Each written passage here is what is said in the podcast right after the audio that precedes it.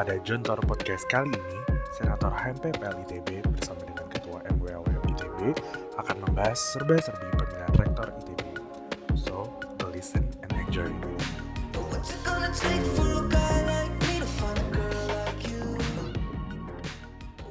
Assalamualaikum warahmatullahi wabarakatuh.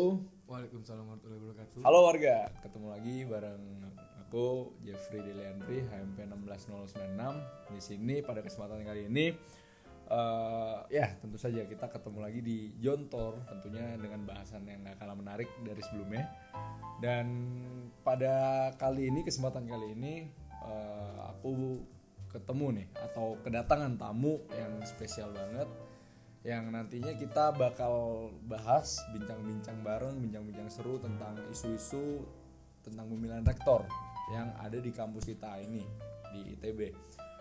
So nggak usah lama-lama lagi, langsung aja eh, aku kenalin ada yang di sebelahku. Silakan. Halo warga, eh, kenalin eh, nama aku em, Ekel, Fisika ITB 2015.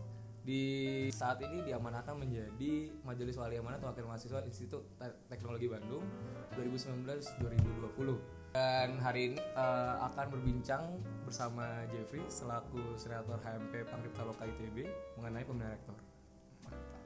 Thank you, Cle. Ah, Oke, ya seperti apa yang dibilang sama si Ekal tadi, ya eh, di Jontor Vlog yang kali ini, Jontor Vlog kali ini kita ngebahas tentang pemilihan rektor.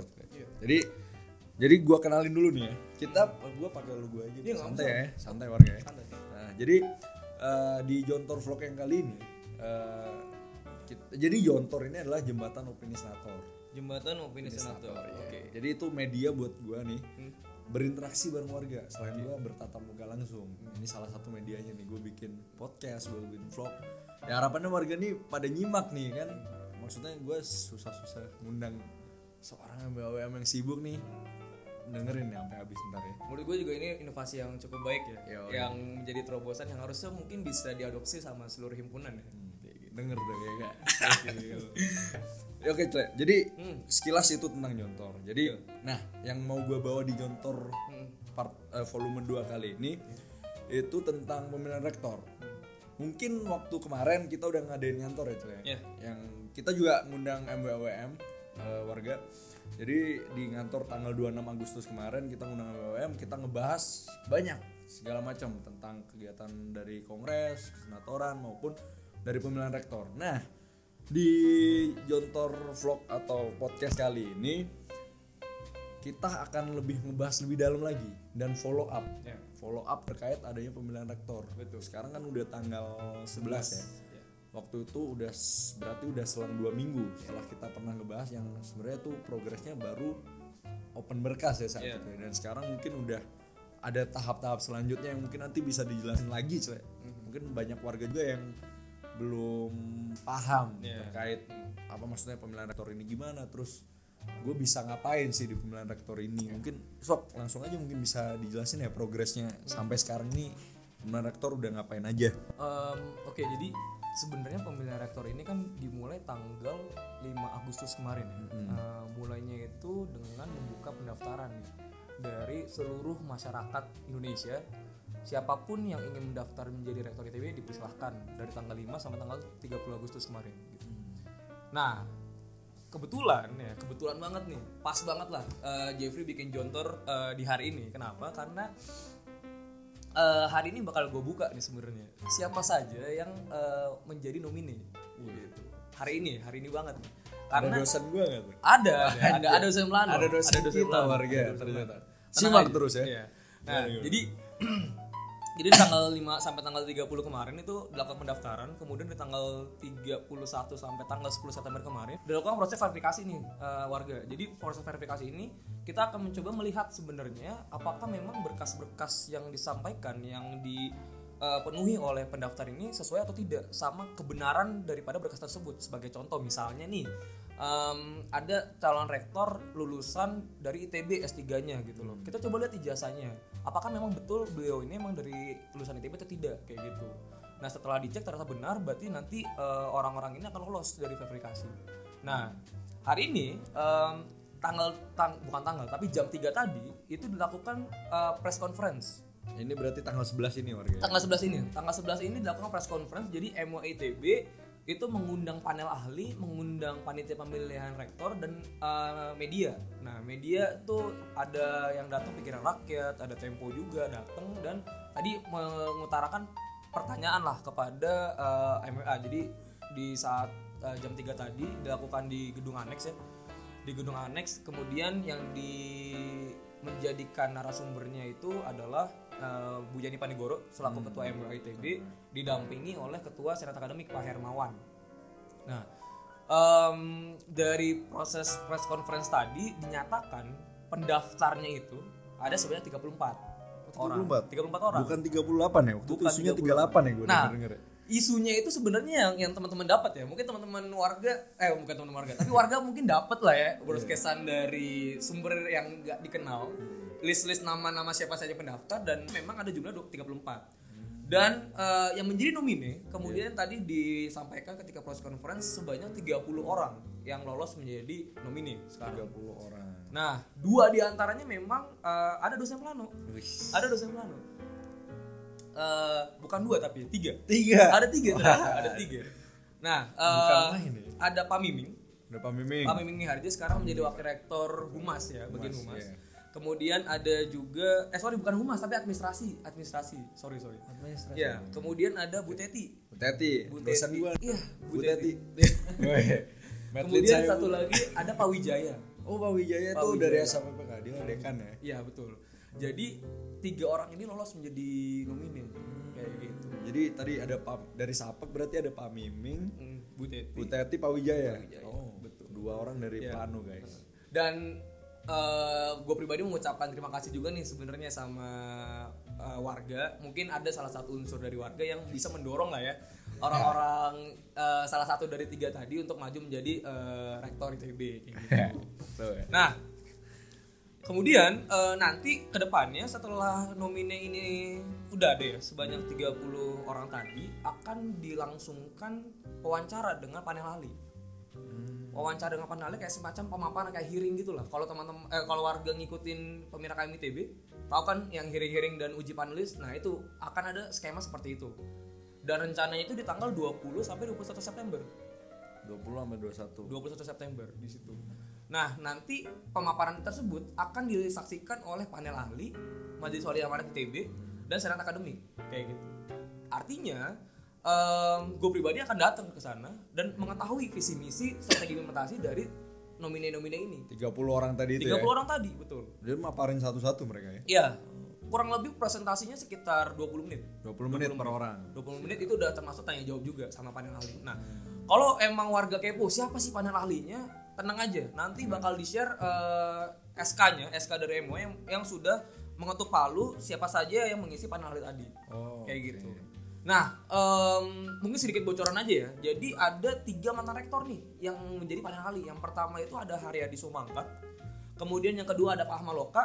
Yang ketiga ada Pak Joko Santoso. Kayak gitu. Itu mantan rektor jadi panel ahli. Iya, kenapa sih pada akhirnya pada, pada, uh, mantan rektor ini menjadi panel ahli karena em, panel ahli ini dirasa paling mengetahui ya em, bagaimana rektor ITB itu ke depan untuk mengerjakan segala permasalahan kemudian mau dibawa ke mana ITB ini untuk lima tahun ke depan seperti itu jadi butuh eh, orang-orang yang sudah mengerti ya eh, pada akhirnya sebagai mantan rektor seenggaknya mereka mengerti bagaimana Paham. ITB ini bisa dibawa selama lima tahun ke depan kayak gitu dan harapannya juga setelah uh, wawancara tersebut mahasiswa dapat bahan nih. Gue dapat bahan nih sebenarnya. Apa sih dari 30 calon rektor eh bukan calon rektor tapi nomine-nomine ini apa yang mau mereka bawa? Kayak gitu. Kayak misalkan divisi visi ada apa aja nanti bakal coba gue ali sendiri dengan uh, tentunya format yang baik supaya lebih mudah dibaca lebih enak untuk dicerna kemudian lebih gampang dipahami juga untuk warga itu sendiri kayak gitu. Berarti ntar bakal ada nih ya ya. pemaparan dari 30 ini di sama tim MWM bakal diringkas lah ibaratnya kita yang bakal di florin juga ya. ya betul betul Untuk tanggal 20 sama 21. 21 September. Nah, setelah itu kemudian nanti akan direduksi nih. Ya. Direduksi dari 30 ke sekitar ya, plus minus nih, 10 orang sama MWA. Jadi nanti MY itu akan mendapatkan data atau hasil dari wawancara dengan panel ahli. Setelah mendapatkan data dari panel ahli nanti, itu akan coba dibahas sama MWA, akan didiskusikan. eh, which is gue juga masuk di sana akan membahas itu juga untuk mengeluarkan 10 nama. Sebenarnya siapa yang akan bisa kita lanjutkan untuk menjadi bakal calon nih? Nah kenapa ini menjadi penting menurut gue ya? Karena pada akhirnya kalau misalkan kita tidak bisa berperan di sana dan tidak bisa memberikan nama-nama siapa saja yang harusnya bisa masuk ke tahapan bakal calon sayang banget gitu loh. Kenapa sayang banget ya? Karena kita pun bisa menguji maksudnya kita juga bisa mengetahui dan bisa menilai siapa-siapa saja sebenarnya yang bisa cocok ke bakal calon gitu loh untuk untuk selanjutnya. Dan itu peran mahasiswa di sana. Nah nanti setelah dari MWA sudah memutuskan udah mereduksi dari 30 menjadi 10 10 nama ini akan masuk ke senat akademik. Nah buat warga nih mungkin yang masih kepo-kepo sebenarnya siapa sih senat akademik ini? Nah senat akademik ini sebenarnya adalah dos bukan dosen sih kita sebutnya adalah guru besar lah ibaratnya. Nah guru-guru besar ini sebenarnya siapa dan dan apa sih guru besar ini? Simpelnya guru besar ini adalah orang-orang yang mengabdikan diri hidup dan mati untuk ITB mungkin terdengar lebih ya tapi pada akhirnya itu kenyataannya. Jadi orang-orang inilah yang benar-benar mengetahui dan bisa merumuskan ITB dalam rentang 5 sampai 20 tahun ke depan tuh maunya seperti apa. Kayak gitu. Bisa memproyeksikan Iya, ini. karena emang tadi dibilangnya hidup dan mati untuk ITB. Gitu. Nah, kemudian nanti di uh, senat akademik melalui guru besar guru besar ini akan mencoba semacam apa ya? Menilai kembali ya. Jadi eh, 10 orang nanti akan melakukan pemaparan kembali di depan senat akademik, di depan guru besar nanti akan dinilai juga eh, siapa yang qualified dan bisa kita eh, mereka loloskan untuk menjadi calon rektor. FPT gitu ya. Iya mungkin seperti itu. Dan nanti mekanismenya itu kayak ada semacam mungkin pertanyaan-pertanyaan yang muncul dari mahasiswa juga bisa juga nanti gue sampaikan kalau emang ada titipan pertanyaan kayak gitu. Oh, berarti sorry dari M lu sebagai WM bisa nitip nih pertanyaan ke 10 nama bakal calon Iya, ini. iya, kenapa Melalui kamu tidak? syarat akademik. Betul betul. Bisa. Bisa bisa. Nah dan eh, nanti skemanya tuh jadi gini, itu akan diselenggarakan tanggal insya Allah ya tanggal 24, 25 dan 26. Nah kenapa tiga hari? Jadi gini, tanggal 24, 25 itu 24, 25 eh, September, sorry September apa Oktober? Eh, Oktober sorry. Oktober Oktober. Oktober. Warga. Mohon maaf ya. 24 sampai 25 Oktober tersebut nanti akan kayak pameran pameran Oh, fair. fair, ya kan? Eh, kebayang ya fair ya? Maksudnya kayak nanti em, 10 orang ini akan punya boothnya masing-masing di Aula Barat atau di Aula Timur. Kampanye nih. Iya kayak semacam kampanye tapi eh, terpusat lah di Aula Timur sama Aula Barat dibuka selama tiga hari dari tanggal 24 sampai tanggal 26 nanti.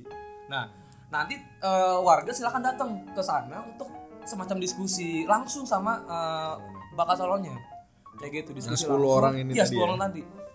Silahkan tanya-tanya kira-kira em, Bapak ketika nanti terpilih bakal ngakuin apa? Kemudian apakah eh, tetap menyelenggarakan jam malam atau tidak? Apakah tetap menyelenggarakan pembatasan atau tidak kayak gitu. Jadi teman-teman yang mau datang ke sana itu bisa secara individu gitu loh tanpa membawa embel-embel lembaga kayak gitu. Atau ini sekedar mendekatkan diri kepada bakal calonnya pun bisa. Kayak gitu. Nanti tanggal 24 sampai tanggal 25 di Aula Barat atau di Aula Timur. Menarik sih ini ya. Berarti ya warga ya. Berarti mungkin yang belum pernah tahu. Berarti saat pemilihan rektor tahun ini 20 tanggal 24 sampai 26 ya. Hmm. 24, 25, 26 Oktober kita bisa warga datang langsung. Pengen kenal lebih deket, pengen Hmm. Iya. ngobrol tanpa lewat atle, itu langsung aja ya Langsung berarti. aja, ya. langsung Beneran itu ya. Betul, betul. Ntar kita ke sana nggak boleh masuk nih. nggak mungkin itu emang karena itu kayak semacam public expose buat sivitas akademika Oh, gitu. jadi nggak cuma buat mahasiswa doang buat tedik pun juga bisa buat dosen pun juga boleh kayak gitu. Untuk gimana caranya mereka ini bisa menggali lebih dalam untuk kebutuhan pribadinya apa sih sebenarnya gagasan sama visi misi dari si uh, bakal calon ini kayak gitu. Nah di tanggal 26 nya baru ada pemaparan dari um, apa namanya si bakal calon ini kepada senat akademik Pemaparan lagi nih. pemaparan Eh, ini Itu yang baru 26. oh ini yang, tadi, yang baru tadi. tanggal 26 nya ya 26. yang ke Senat Akademik ini berarti. betul. Oh. Berarti sebelumnya tuh ke Sivitas Akademiknya Ya, dulu ya berarti ya. uh, kayak gitu. Nah nanti dari hasilnya kan itu 10 tuh dari senat akademik akan keluar tiga calon rektor. Gitu. Tiga calon rektor ini nanti akan dilakukan akan diselenggarakan debat terbuka. Di mana debat terbuka ini bisa dilihatkan atau diperlihatkan oleh eh sivitas akademika juga. Jadi maksudnya kalau misalkan mau nonton pun boleh juga kayak gitu. Di Kalau debat pengalaman tahun lalu debat terbukanya di mana sih? kalau tahun lalu Ya, sebenarnya tak maksudnya pilrek. Iya ya, pilek lalu yang ya. sebelumnya ya 2014 sebenarnya tidak terlalu apa ya, tidak terlalu hype ya maksudnya. Oh, gitu. eh, ekspos ke masanya tuh kurang sebenarnya.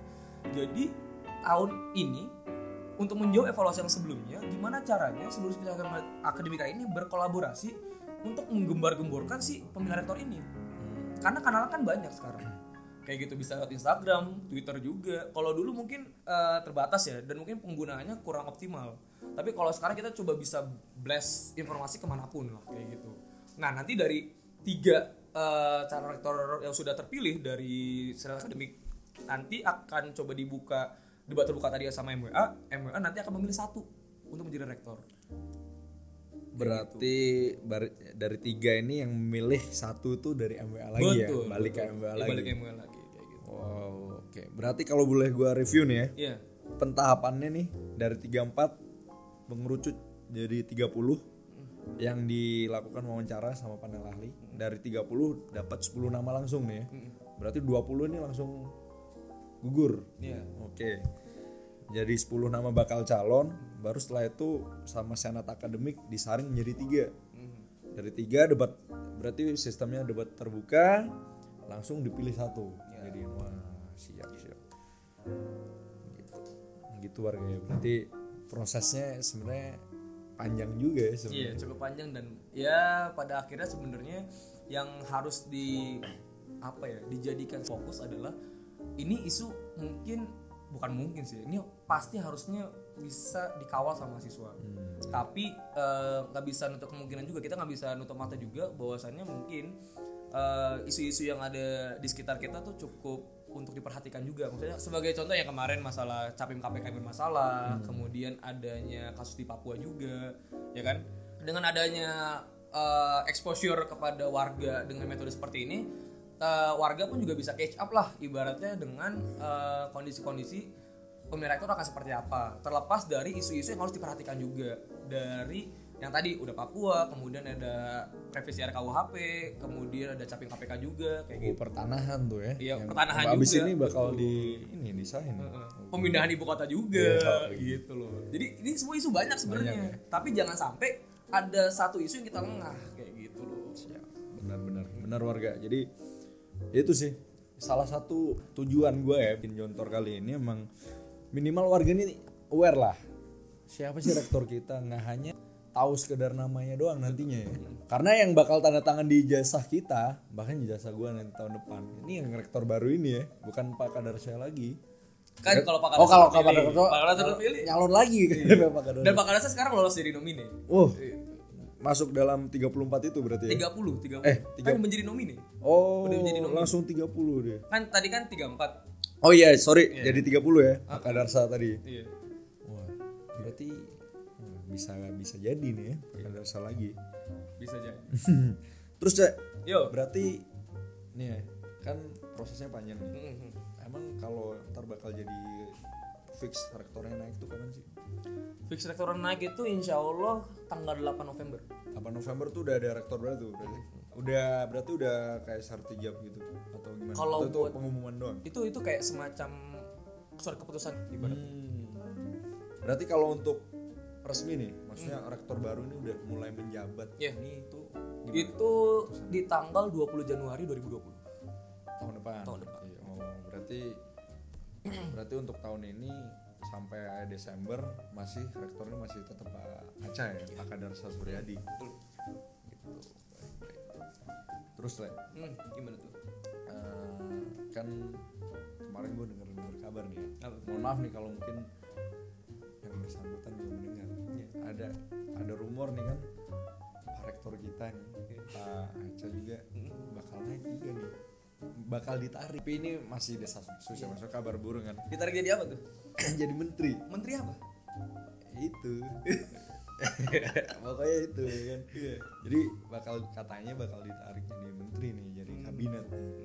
Nah, ke- ketika itu terjadi, Cile, ini gua nggak, ini mengandai-andai aja nih. Kalau misalkan memang itu terjadi, sementara beliau ini masuk ke dalam nomine, itu otomatis gugur atau beliau punya hak prerogatif nih untuk memilih kayak dia tetap ingin melanjutkan pemilihan ini atau harus harus ke sana atau apa maksudnya memilih untuk ke sana atau gimana? Atau memang ada kebijakan dari entah senat akademik atau dari MBA ini ketika memang dari 30 calon ini kalau mengundurkan diri atau gimana tuh bakal seperti apa gitu? Oke, jadi sebenarnya ya em, untuk menjawab pertanyaan tersebut em, di rektor kita .itb.ac.id waktu tanggal 5 apa apa? Gimana? rektor kita .itb.ac.id itu untuk apa tuh? Itu untuk informasi segala macam pemilihan rektor itu ada di sana sebenarnya. Oh, oke.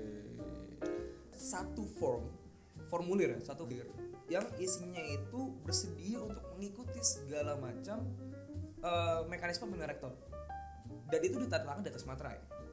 Jadi bisa kita katakan eh, untuk kondisi tersebut harusnya eh, Pak Kadars itu tidak bisa mundur. Tidak bisa, bisa kita katakan demikian.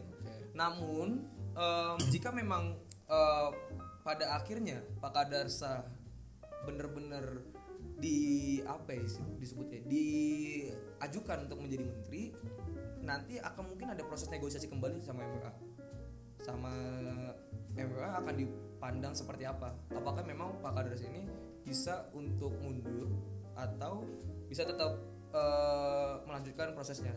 Pada akhirnya semua ada di diputuskan di Pak Kadarsa oh. Pak Kadarsa mau jadi rektor atau mau jadi menteri? Itu aja sebenarnya. Berarti nggak ada maksudnya sanksi atau sesuatu yang maksudnya ketika bakal calon eh apa? Bakal calon ya? Eh, apa? Nomini ini 30 ini mengundurkan diri atau tiba-tiba tidak lanjut itu nggak ada suatu apa ya mungkin sebenarnya kalau kalau misalkan masalah sanksi ya eh, pun demikian yang memberikan sanksi pasti melihat dari konteks Pak Kadarsa sudah melakukan apa untuk eh, pemilihan rektor ini. Sampai sekarang kan karena masih mendaftar sebagai nomine otomatis eh, beliau hanya melak- hanya mengerjakan form yang sudah diajukan kemarin. Dan itu ada materai segala macam. Artinya kalaupun itu akan dilanggar prosesnya akan panjang dan harusnya Pak Kadarsa sadar akan hal itu. Jadi mungkin ini bisa gua anggap simpel ya. Kalau emang kayak gitu mungkin emang tinggal ngomong kaki aja. Oh. nah orang pada akhirnya si kasarnya gini kasarnya gini. Kan lu yang daftar. Kalau dia aja berarti lu nggak konsisten banget gitu loh. Dan itu akan menjadi menjadi ya si sistemnya kayak gitu. Dan kelihatan tidak konsisten gitu loh. Sebenarnya yang yang ingin dimajukan ITB-nya atau apa gitu loh. Yang di mana sih mau ITB-nya atau apa gitu dan itu mungkin akan menjadi backfire juga ya kalau menurut gua kepada Kadarsa juga gitu. gitu sih Pak. Pokoknya mah Buteti Pak Mimi ya. Oke. Mantep sih warga ya. Maksudnya ya semoga dari penjelasannya Ekel tadi udah lumayan nangkep ya kan? Iya. prosesnya pemilihan rektor ini gimana terus nah sekarang gini nih. Boleh. Kalau ada warga gua nih yang nanya emang gue di pemilihan rektor nih bisa apa nih oke Hmm. sampai sampai detik ini sampai ntar pengumuman tanggal 8 ya tadi. 8 November itu gue bisa apa aja nih. Oke. Selain yang tadi ya datang ke tanggal 24 25 26 Iya. Jadi jadi gini, em, kita tuh sebenarnya yang mau coba dibikin ya sama tim MUAM sama tim Satgas juga karena gua bikin Satgas pemilihan rektor juga kan. oh iya. Oh ya warga. Ntar kita juga akan kenalan nih Iya. samain ya Iya, tapi kayak ntar ya ntar.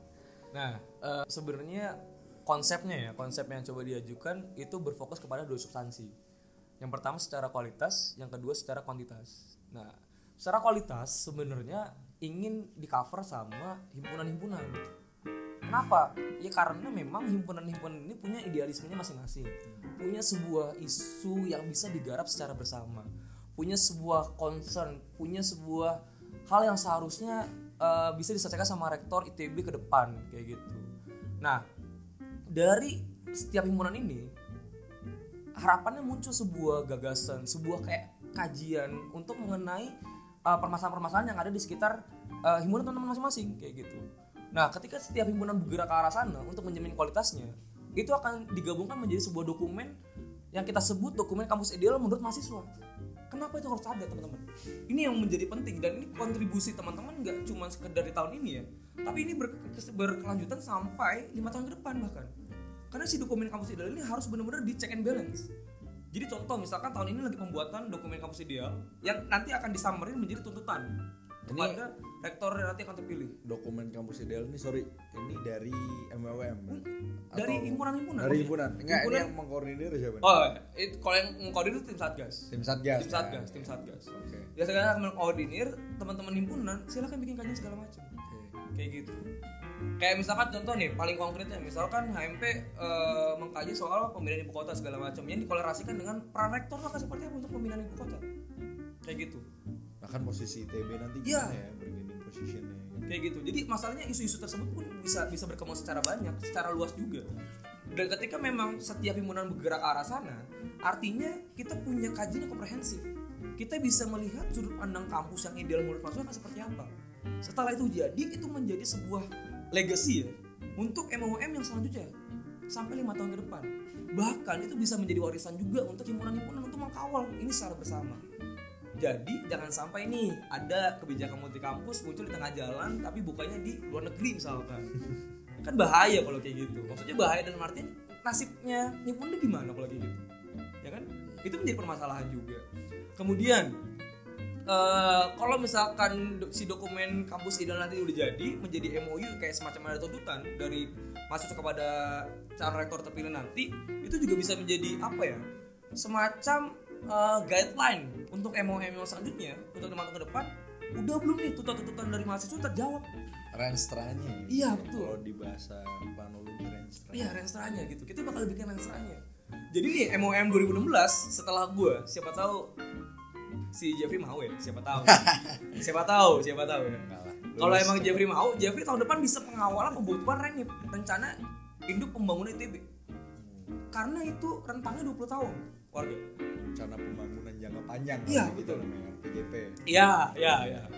Cuma kalau ITB-nya dokumennya 20 tahun itu namanya Renip, Renip ITB. Renip ya Ya, Renip ITB itu 20 tahun dan kan sekarang yang masih berlaku 2006 sampai 2025. Dan yang akan dibuat adalah 2026 sampai 2045. Pas banget nih sama Indonesia Emas. Iya nggak? Artinya peran kita sampai sejauh itu. Jika memang pembuatan kajian tadi dibuat secara baik, secara komprehensif, itulah yang membuat bargaining position dari mahasiswa naik. Di depan apa? Di depan MA, di depan rektorat.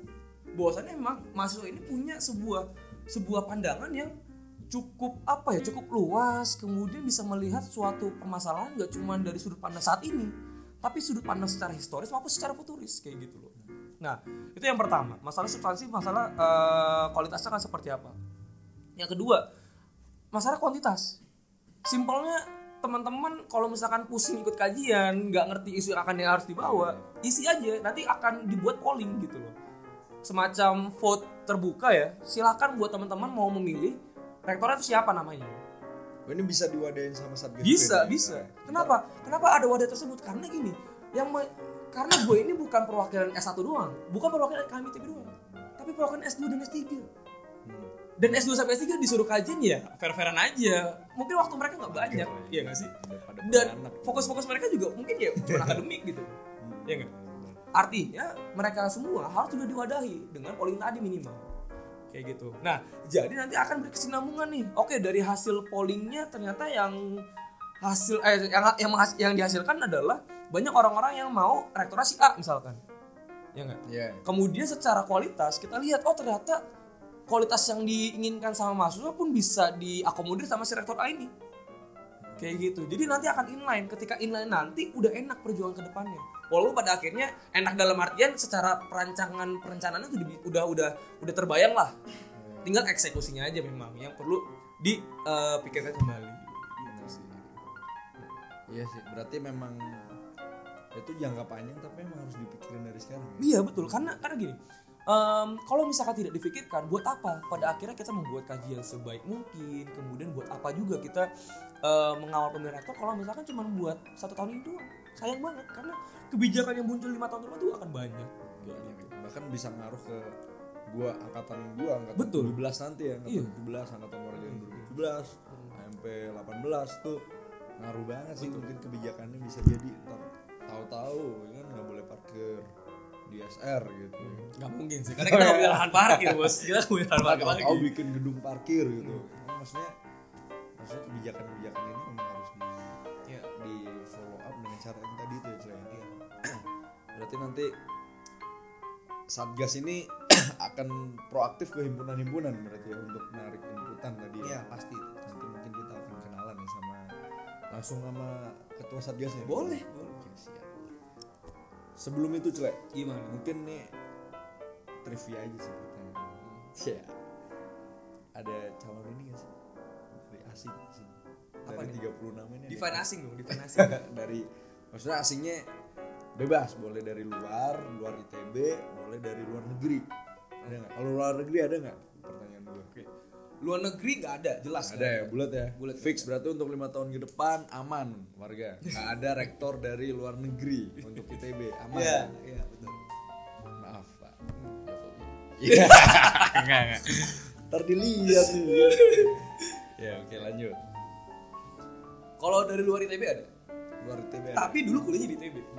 alumni ITB berarti Alumni ITB. Alumni. berapa orang tuh kalau boleh tahu? Em, yang daftar itu ada total ya, total tuh yang daftar ada empat. empat alumni ITB Empat alumni ITB tapi luar.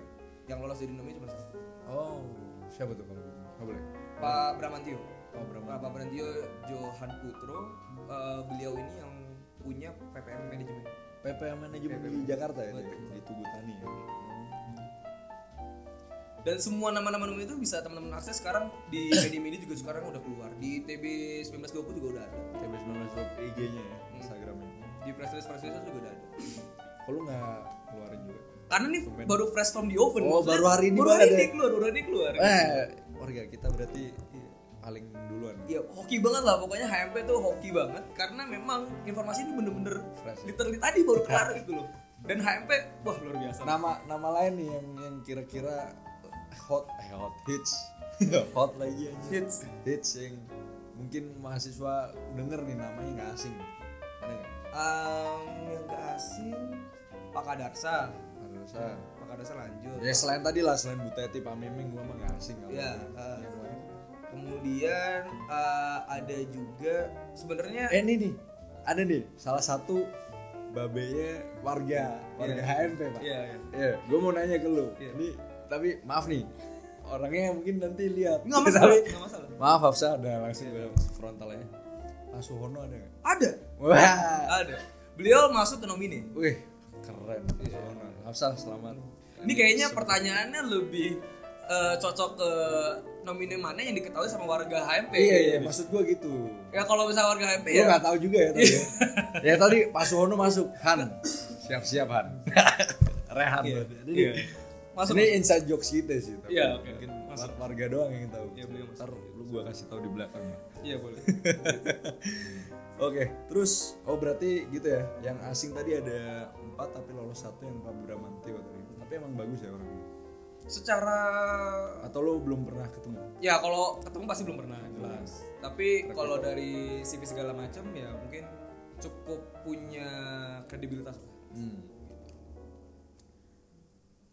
Coba berarti dari tiga empat tadi yang yang eh, mengeliminasi empat orang tadi itu siapa Eh, panpel. Panpelnya. Jadi kan gini, prosesnya jadi mereka mendaftar, mereka mendaftar, kemudian akan dilakukan verifikasi melalui panpel. Kemudian yang mendesain eh, itu lolos atau tidak ada panel ahli. Oh. Kayak gitu. Tapi bahan mereka mendesain dari panpel. Dari panpel Karena panpel yang melakukan verifikasi. Mereka cuma melihat, kemudian mempertimbangkan apakah ini bisa lanjut atau tidak. Kalau lanjut ya lanjut, kalau tidak ya. Siap. Wah, keren ya. Berarti maksudnya rektor ITB ini laris ya ibaratnya gitu ya. Calonnya sampai 30, Pak. Ya kan? Coba K3M UM cuma lu doang. Ya karena jangan Senator HMP. jangan disamakan, disamakan. Ya, disamakan. iya sih. Karena kan kalau misalkan Oh iya, jabatan ada dua ya lo kalau ya. Sorry, sorry. Sorry, kayak baca, sorry. Ya satu lagi adalah. Tapi maksudnya beda ya jabatan. Ini udah politik ya mungkin. Betul, betul. Sebagai anggota biasa KMITB teman-teman akan terbuka lebar. Kesempatannya bisa nanya di um, OAM OAM bisa OAM OAM lewat IG maupun lewat Line maupun lewat uh, form aspirasi juga yang ada di OAM OAM teman-teman buka aja di situ ada bit.ly form aspirasi MOM ITB Bitly form aspirasi MWM ya ITB. kayak gitu. Teman-teman buka silahkan silahkan untuk eh, isi apa pun aspirasi mengenai rektor maupun non rektor pun juga nggak masalah kayak gitu silahkan isi di situ dan itu open setiap saat kayak gitu misalkan eh, warga lagi gabut jam 12 malam nggak ada kerjaan buka itu iseng tulis curhat di situ Kata-ngatain lu gitu juga nggak apa-apa ya. Ya, Aspirasi pak itu pak. ya boleh boleh boleh nggak masalah nggak masalah terbuka terbuka Ya oke. Berarti itu. Tapi kalau di gua ada juga warga bisa juga akses ke Bitly slash Jontorin Kop. J-nya gede, K-nya gede. Gitu. Kop tuh maksudnya warkop. Jontorin Kop. Kalau gua gitu. Bebas mau pilih salah satu. Ya, yang silakan. Iya. Oh, Cle, terakhir ada ketinggalan. Ini mungkin juga bisa mewakili teman-teman yang eh warga yang di Cirebon ya. ya Terus efeknya ke multi kampus gimana? Oh, Terus mungkin kita bisa sampaikan juga nih progres multi kampus ini akhirnya gimana? Gue dengar-dengar kan tahun depan katanya, terus nggak jadi, terus katanya tahun depan lagi akan segera dipindah. Nah mungkin langsung aja nih make it clear nih sekarang nih. Oke. Jadi sebenarnya gini eh, warga. Pertama eh, apa sih hubungannya rektor dengan multi kampus? Sebenarnya jelas banget hubungannya karena kebijakan dari rektor itulah yang membuat multi kampus sekarang ada gitu loh. Karena sebagai pimpinan ITB, beliaulah yang punya kewenangan sebegitu besar untuk adanya eh, multi kampus terlepas dari pertimbangan-pertimbangan yang disampaikan oleh MWA ITB, senat akademik juga maupun dari sivitas akademika yang lain kayak gitu. Jadi maksudnya ke depan bisa jadi akan ada juga multi kampus multi kampus yang akan eh, dimunculkan sama ITB ke depan kayak gitu. Dan harapannya ketika memang kita sudah mengawal ini secara baik dari awal dan membuat semacam tuntutan kepada rektor terpilih nanti untuk meniadakan misalkan ya untuk membatasi dulu kebijakan multi kampus ya silahkan. Tergantung dari eh, rasionalisasi kita juga sebenarnya. Jadi jangan sampai mahasiswa itu cuma nuntat nuntut nuntat nuntut doang gitu loh. Tapi harapannya ada sebuah apa ya sebuah gagasan yang sangat rasional cerdas brilian dan nggak cuma bagian dari masalah tapi bagian dari solusi juga. Solusi ya, kayak gitu. diajukan gitu ya. ya itu yang pertama buat masalah multi kampus kemudian yang kedua progres multi kampus seperti apa? Hmm. khususnya gini multi kampus mungkin yang sekarang berkembang lebih ke Cirebon ya bukan ke Jatinangor karena kalau Jatinangor mungkin isunya tetap sama ya Gitu-gitu masalah ya. fasilitas masalah em, Transtangor dan lain-lain. Lah dan itu juga sebenarnya isu isu masuk Cirebon yang sekarang yang mereka sekarang berdomisili di Jatinangor, Jatinangor, mau merasakan itu juga ya? tetap sama gitu loh isunya. Namun eh, mungkin isu yang tadi dikatakan adalah pemindahan ya pemindahan apa namanya masuk ITB Cirebon ke eh, kampus ITB Cirebon yang mau di Watu Belah jadi Batu belah ya namanya. Watu Belah Watu belah. Watu Belah Itu Watu- nama daerahnya ya. Watu, Watu. Watu belah. ya Kecamatan Watu belah. Watu Belah, gitu. Itu fix ya di situ ya berarti. kampus udah ada Oke. kampus udah jadi Waktu itu waktu di ngantor juga udah ditunjukin ya foto-fotonya warga. betul betul kalau mungkin- mau kepo-kepo lagi ada di YM Ada di YM. tinggal scroll ya Lumayan. 15 kali scroll ya nah Oke lanjut. Jadi ya progresnya tuh yang pertama sekarang eh, kan kampusnya direncanakan untuk ada di dua tempat ya. Yang pertama di Watu Belah, yang kedua di Arjawinangun. Nah, namun yang sekarang baru jadi itu yang di Watu Belah doang. Nah, dan Watu Belah ini pun proyeksi ke depannya akan kayak semacam aneksnya yang di Ganesa gitu loh. Gane kan tahu aneks kan, teman-teman? Gedung teman-teman buat ketika ada wisuda ngambil toga lah. Ya kan? Di situ nanti tempatnya. Nah, nanti eh, di Watu Belah itu akan diproyeksikan juga seperti itu karena emang kampusnya nggak begitu besar. Oh berarti kalau bakal ada aneksnya itu bakal punya rektorat sendiri pak? Akan diproyeksikan ke sana. Proyeksinya ke sana. Sana. Tapi nggak untuk tahun depan ya. Nggak untuk tahun depan kayak gitu. Karena kenapa kenapa eh, akan ada diproyeksikan ke sana? Pada akhirnya kampus-kampus ITB multi kampus ini harus punya otonomi masing-masing gitu loh. Karena kalau misalkan saling ketergantungan sama yang lain, itu akan susah, susah. kayak gitu. Itu yang keberapa tuh tadi? Yang pertama ya buat masalah progres. Yang kedua progresnya itu ada di bagian em Arjawinangun itu sekarang kampusnya masih sawah, bos. Oh iya. Dia belum ada apa-apa sekarang. Baru ada kayak semacam pelang assembly point tapi tulisannya tanah ini milik Milik. Kemenristek bersama ITB. Ntar kuliahnya di alam kan. Iya. Jadi maksudnya untuk Arjawinangun akan coba dibangun peletakan batu pertama kemarin sudah tanggal 9 Oh September tapi itu isunya. peletakan. Oh. Iya. Ini yang Eh, tadi masih sawah katanya tadi. Iya maksudnya akan dibangun di tahun ini gitu loh. Ini kayak peletakan batu pertamanya kemarin. Literally kemarin banget gitu loh. Berarti prosesnya cuma setahun ya itu ini. Apa proses apa? pembangunannya. Enggak enggak setahun dong. Yang Arjawinangun. Arjawinangun nggak setahun itu yang Arjawinangun akan akan di baru jadi mungkin 5 sampai 10 tahun ke depan. Karena tuh kampusnya gede banget, lahannya gede banget gitu loh. Kayak gitu. Nah, kalau yang pemindahan nanti teman-teman em, Plano Cirebon itu nanti kuliahnya di Yang tadi waktu Watu Belah tadi. Watu belah dulu ya. waktu belah dulu kayak gitu. Itu udah kuliah jalan nanti akan evaluasi kapan pindah ke Arjawinangun ya setelah kampusnya jadi juga. Kayak gitu. Itu yang angkatan berapa tuh? ya? Udah denger belum? Ya kalau misalkan on schedule ya ya berarti angkatan 2000 uh, 2017 2018 mungkin akan dipindahkan. Ikut juga. Gitu. Tapi teman-teman nggak usah khawatir ya dalam artian gini eh ini isu yang akan dibawa sama MOM jadi nggak cuma pemilihan rektor tapi multi kampus juga. Sehingga di saat ini bisa dikatakan demikian. Tapi di bulan depan jika ada perubahan pasti teman-teman akan disampaikan juga informasi akan seperti apa. Kayak gitu. Jadi ini isu akan coba dikawal terus sampai teman-teman eh, fixnya akan pindah atau tidak. Kayak gitu ya. Tapi sampai saat ini bisa dikatakan proyeksinya tetap on schedule dan akan dipindahkan di Agustus 2020 Agustus 2020 Kayak gitu. akan pindah untuk angkatan 17, 18 dan ke bawah terus ya berarti. Iya, kayak gitu. Oke teman-teman Cirebon. Eh, dan dari kongres pun nggak tinggal diam saya. Oh gitu. Kebetulan gue di sini in charge juga di Kompersis. Ya harapannya nanti kita akan segera ketemu sama teman-teman yang Cirebon untuk ngebahas bareng sih. Sebenarnya kebutuhannya tuh sampai sejauh mana untuk kemahasiswaannya. Ya kan? Atas saran lu juga saat itu kita akan mengkaji lagi sebenarnya kebutuhannya seperti apa apakah memang urgensinya perlu untuk dibentuk suatu sistem keluarga mahasiswa sendiri atau memang saat ini untuk cukup dengan perwakilan atau bagaimana? Itu nanti akan kita bahas bersama. Jadi untuk warga Cirebon warga komisariat jangan khawatir. We stand behind you apaan sih alah nggak Harapan itu nggak cuman omongan doang ya. Iya. Tolong Iya, dikawal lah tolong, omongannya. iya. ya. Tolong tolong gue juga dikritisin, dibantu juga karena ya manusia ada skipnya lah. Iya. kan. Ada skip ya udah Ada skip terus ya. Nah, ya nggak jangan. lah. Iya. Gitu sih coy. Oke. Paling gitu ya warga ya. Ya harapannya di sini warga jelas tentang pemilihan rektor sedikit tadi menyinggung tentang multi kampus progresnya seperti apa. Yang harapannya untuk tahun ke depan kita udah ada kejelasan warga. Teman-teman kita yang komisariat nanti akan seperti apa. Terus rektoratnya itu akan seperti apa, rektorat kita maksudnya ya. Rektor kita yang baru itu akan seperti apa yang harapannya kita nggak tinggal diam, kita bisa nge-follow up sesuai apa yang sama Mas dan banyak yang bisa kita dapat ya yang bisa kita point di sini yang ya pastinya intinya kita sebagai mahasiswa nggak hanya kita bicara tentang pemilihan rektor sampai tahun setahun ke depan. Sampai bahkan tadi lima tahun ke depan sampai ke adik-adik kita yang terus sampai tahun. Yang harapannya 2045 ya men- menuju Indonesia emas itu tadi. Kita menjadi ya benar-benar ITB yang ya, angkatannya yang terbaik ini gitu ya, harapannya ke sana. Ya. Ya udah paling kita langsung kenalan aja ya sama yang tadi. tadi kan mereka bisa nanya-nanya bisa tadi ngasih saran siapa rektornya yang cocok terus atau mungkin atau nanti ada teman-teman kita panggilin langsung. Ya udah kita panggilin warga eh, ketua ketua atau kepala? Ketua. Ketua satuan tugas pemilihan rektor.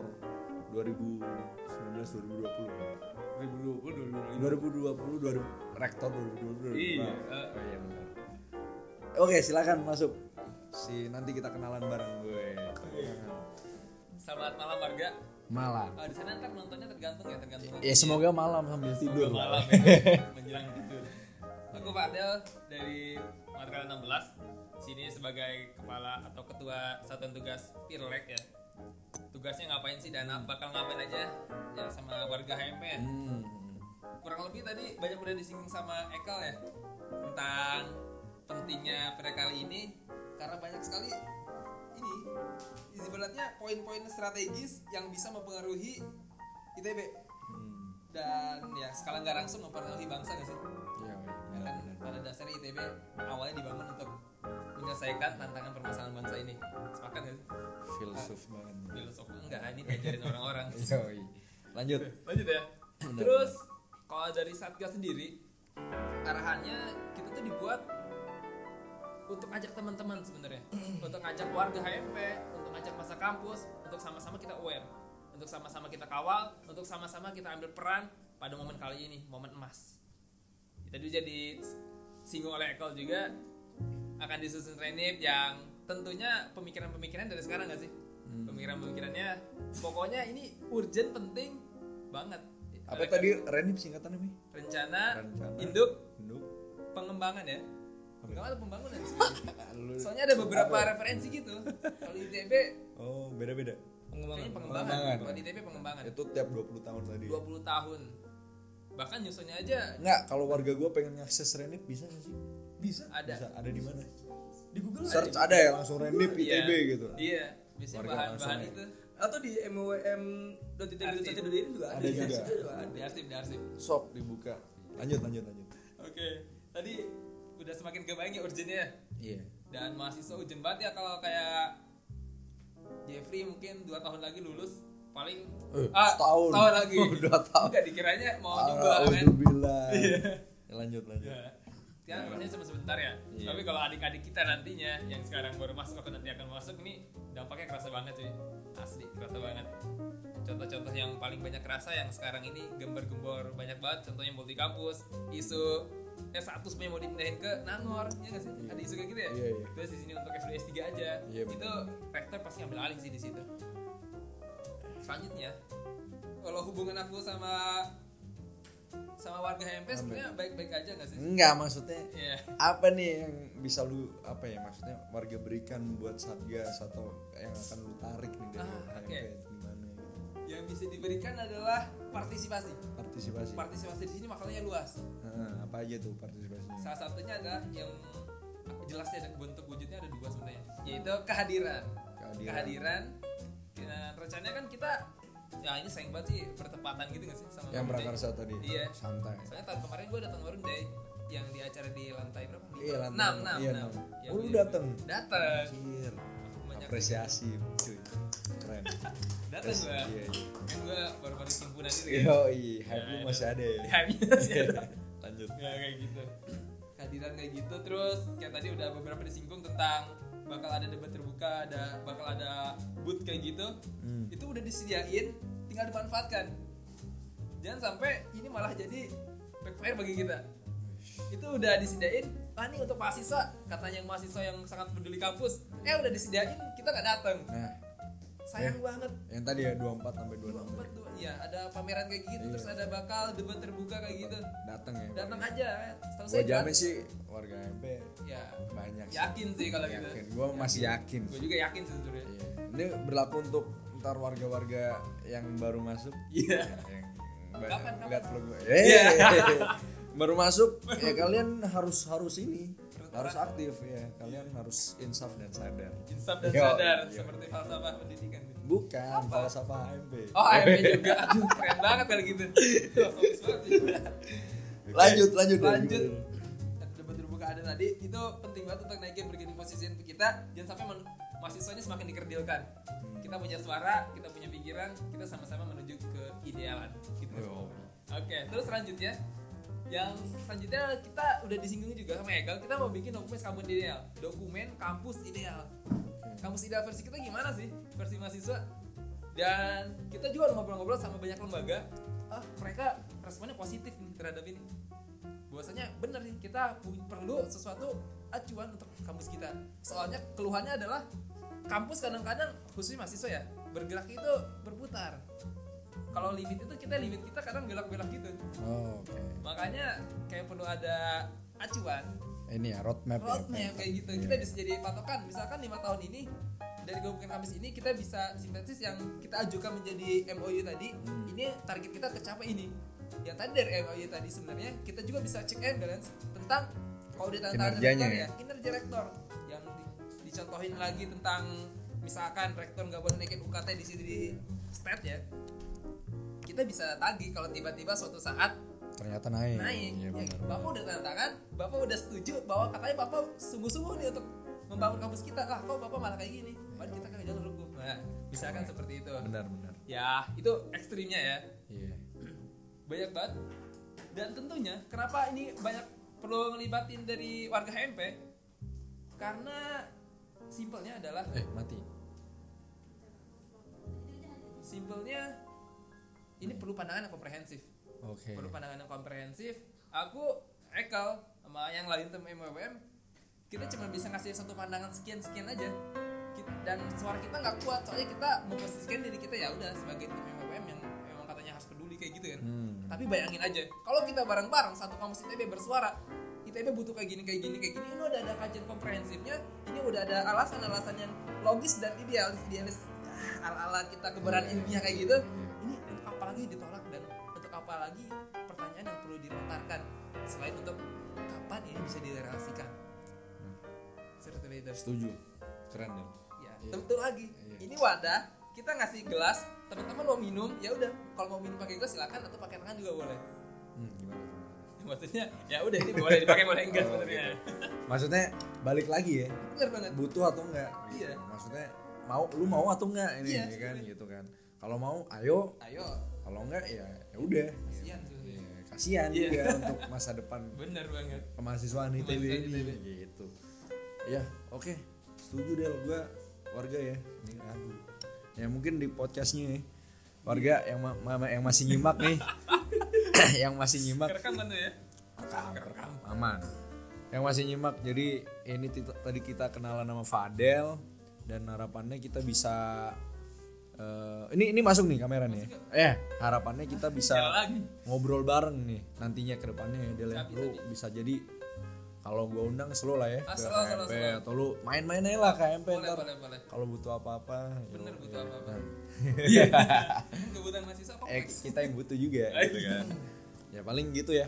Eh, warga kalau udah tahu nih tentang ada satgas ada MBAWM yang sangat mengabdi untuk KMITB Boleh, ini boleh. ya kan? Ini dulu mantan ketua kongres keren nih jadi warga bisa bisa maksudnya kita punya kok jalur-jalur yang sebenarnya yang bukan apa ya hierarkis langsung naik gitu yang kita nggak bisa apa-apa sebenarnya. Kita banyak punya jalur-jalur banyak. Kita bisa memanfaatkan ini kita bisa pakai yang tadi apa MOU tadi itu kita bisa minta tolong ke Aceh juga.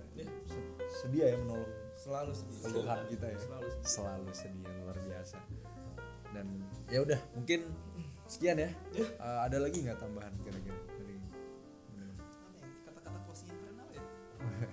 Ya mungkin dari Asle ada ada closing statement? Ya, kalau closing statement diminta ya paling gue cuma bisa bilang em, terima kasih ya utamanya buat Jeffrey selaku Santam MP. Ripta Loka ITB sudah mengundang gue dan eh, Ketua Satgas buat ngomong di podcast ya HMP Jontor ya sih Jontor Jontor jembatan opini Ya, senang em, sebenarnya closing statementnya lebih kayak sebuah harapan sih. Sebuah harapan dalam artian gini. Gue menjadi MUM itu bukan karena eh, pilihan dari pilihan dari siapa pun kecuali dari masa kampus. gitu. Jadi pada akhirnya ini bukti bakti gue kepada masa kampus gitu. Gimana caranya gue bisa mempertanggungjawabkan apa yang sudah mereka titipkan lah. Amanah ini harus diselesaikan secara tuntas dan ini cara gue menuntaskannya dan cara gue menuntaskannya nggak bisa setengah-setengah gue harus pol-polan di sini di mana gue akan mencoba untuk memberikan wadah seluas-luasnya buat masa kampus khususnya buat teman-teman KMITB buat anggota himpunan buat anggota unit juga yang ingin berpartisipasi dalam pemilihan rektor silahkan gunakan kalau ada yang udah ada memberikan opini semua gagasan karena kita banyak kayak gitu. Tinggal teman-teman mau atau tidak untuk melakukan hal tersebut. Karena pada akhirnya yang menentukan nasib ITB ke depan khususnya di bagian mahasiswa ya teman-teman semua. Gue cuman memberikan sebuah informasi memberikan wadah. Kalau emang kita bersama untuk menggerakkan wadah ini secara baik secara optimal secara bersama sebagai satu pasukan yang utuh pasukan mahasiswa yang bisa menjamin minimal ya minimal sebuah tuntutan tadi terjauh sama rektor ya kita harus gegas secara bersama. Karena nggak mau sebuah tuntutan itu cuma muncul dari gue doang secara pribadi. Kayak gitu. Mungkin kami juga ada tuntutan ya kita akomodir. Kenapa tidak? Kayak gitu. Gitu aja sih Pak. luar biasa. Oke. Dong iya silakan. Fadel nah sebenarnya gue dapetnya dari film sih. Iya ya? gimana? Sok ini gue sintesis dari film ya tentang dari satu dari Marvel Marvel satu lagi dari BCU Oke, apa? gue satuin aja. Ya yang pertama ini tapi gue sama-sama sama kampus. Iya. Ya guys sok mari kembalikan. Ntar lo nih Iya. terus keren ngomong gitu. Mari kembalikan ITB pada dasarnya yaitu pelestarian dan pengembangan ilmu pengetahuan kampus ini perlu patriot. Wes. Baru lalu ya. Anjay. Ya itu warga ya. Nih lihat, eh, gua merasa terharu bisa duduk bersebelahan dengan orang-orang keren di sini. Ya harapannya kita bisa nanti bisa ngevlog, bisa ngejontor lagi dengan orang-orang keren yang lain ya. Chan. Ya siapa tahu sebelah gue ntar rektor yang baru, ya kan? Siapa yang tahu ya kan? Jadi ya terus stay tune warga eh, di jontor-jontor yang lainnya, jontor vlog yang lainnya. Harapannya kita bisa sharing, bisa dapat nih ya manfaat dari berkemahasiswaan kita tuh sebenarnya seperti apa gitu terkait ini seperti apa kebijakan kampus kita seperti apa. Jadilah mahasiswa yang cakap ya, seperti kata Fadel tadi kita nggak bisa diam saja gitu kan. Jadi harapannya mari silahkan warga. Tadi tadi ada udah disebutin platform tadi kita, ke gue juga bisa langsung aja ngomong ke gue silahkan kalau mau nanya apa pun kalau mau kenalan sama Acel langsung juga bisa nanti gampang gue hubungin langsung ke dianya gitu ya.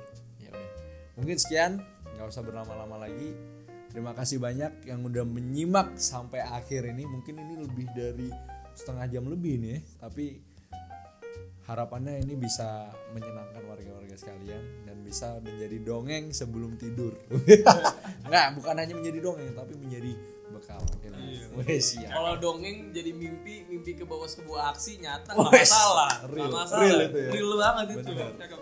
Iya. masalahnya yang mimpi kayak gitu ada nggak gitu Kayak kita yang tahu mimpi bisa bisa ngatur Benar, sih. benar, benar. Iya. kan? ya udah warga sekian dari kami terima kasih gua di sini Jeffrey Deliandri 1541696 selaku senator HMP Bang Rita Lokal ITB bersama Ekel eh, 1021587 oh masih ya? selaku Majelis Wali Amanat Wakil Masuk Institut Teknologi Bandung 2019 2020. Dan aku satu tiga tujuh satu enam nol satu enam. Selaku ketua satuan tugas guna sektor untuk 2020 sampai 2025 keren kami bertiga pamit undur diri. Terima kasih. Wassalamualaikum warahmatullahi wabarakatuh.